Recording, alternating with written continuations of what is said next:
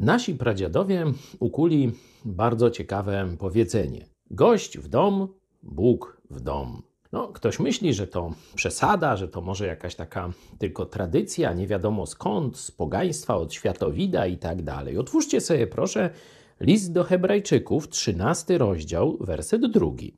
Gościnności nie zapominajcie. Przez nią bowiem niektórzy, nie wiedząc o tym, aniołów gościli. Aniołów, czyli bożych wysłanników. To stąd ta nasza krótsza wersja tego biblijnego wersetu w mądrości narodowej, w mądrości ludowej. Gość w dom, Bóg w dom. Aniołów być może gościcie.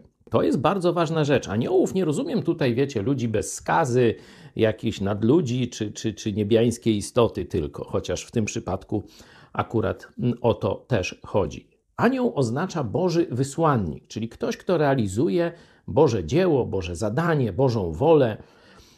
Stąd ty, przyjmując w gościnę potrzebującego, robisz coś daleko więcej niż to, że dasz mu jeść, pić, czy gdzieś się ogrzać, czy ciepłe miejsce.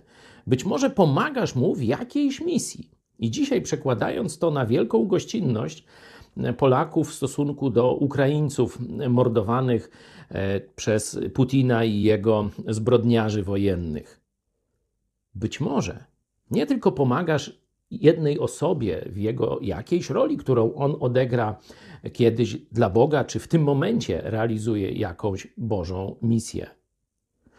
Mam przekonanie, że to, co teraz robimy, to, co naród polski już, roz... to, to już nie przekonanie, pewność, odbiło się szerokim echem, cały świat o nas mówi, zmieniły się opinie wielu ludzi o Polakach, ale że budujemy coś jeszcze większego.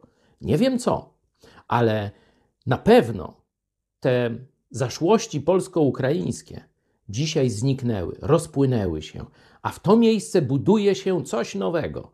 Coś, co mam nadzieję niebawem zadziwi cały świat. Polska i Ukraina na pochybel kacapom.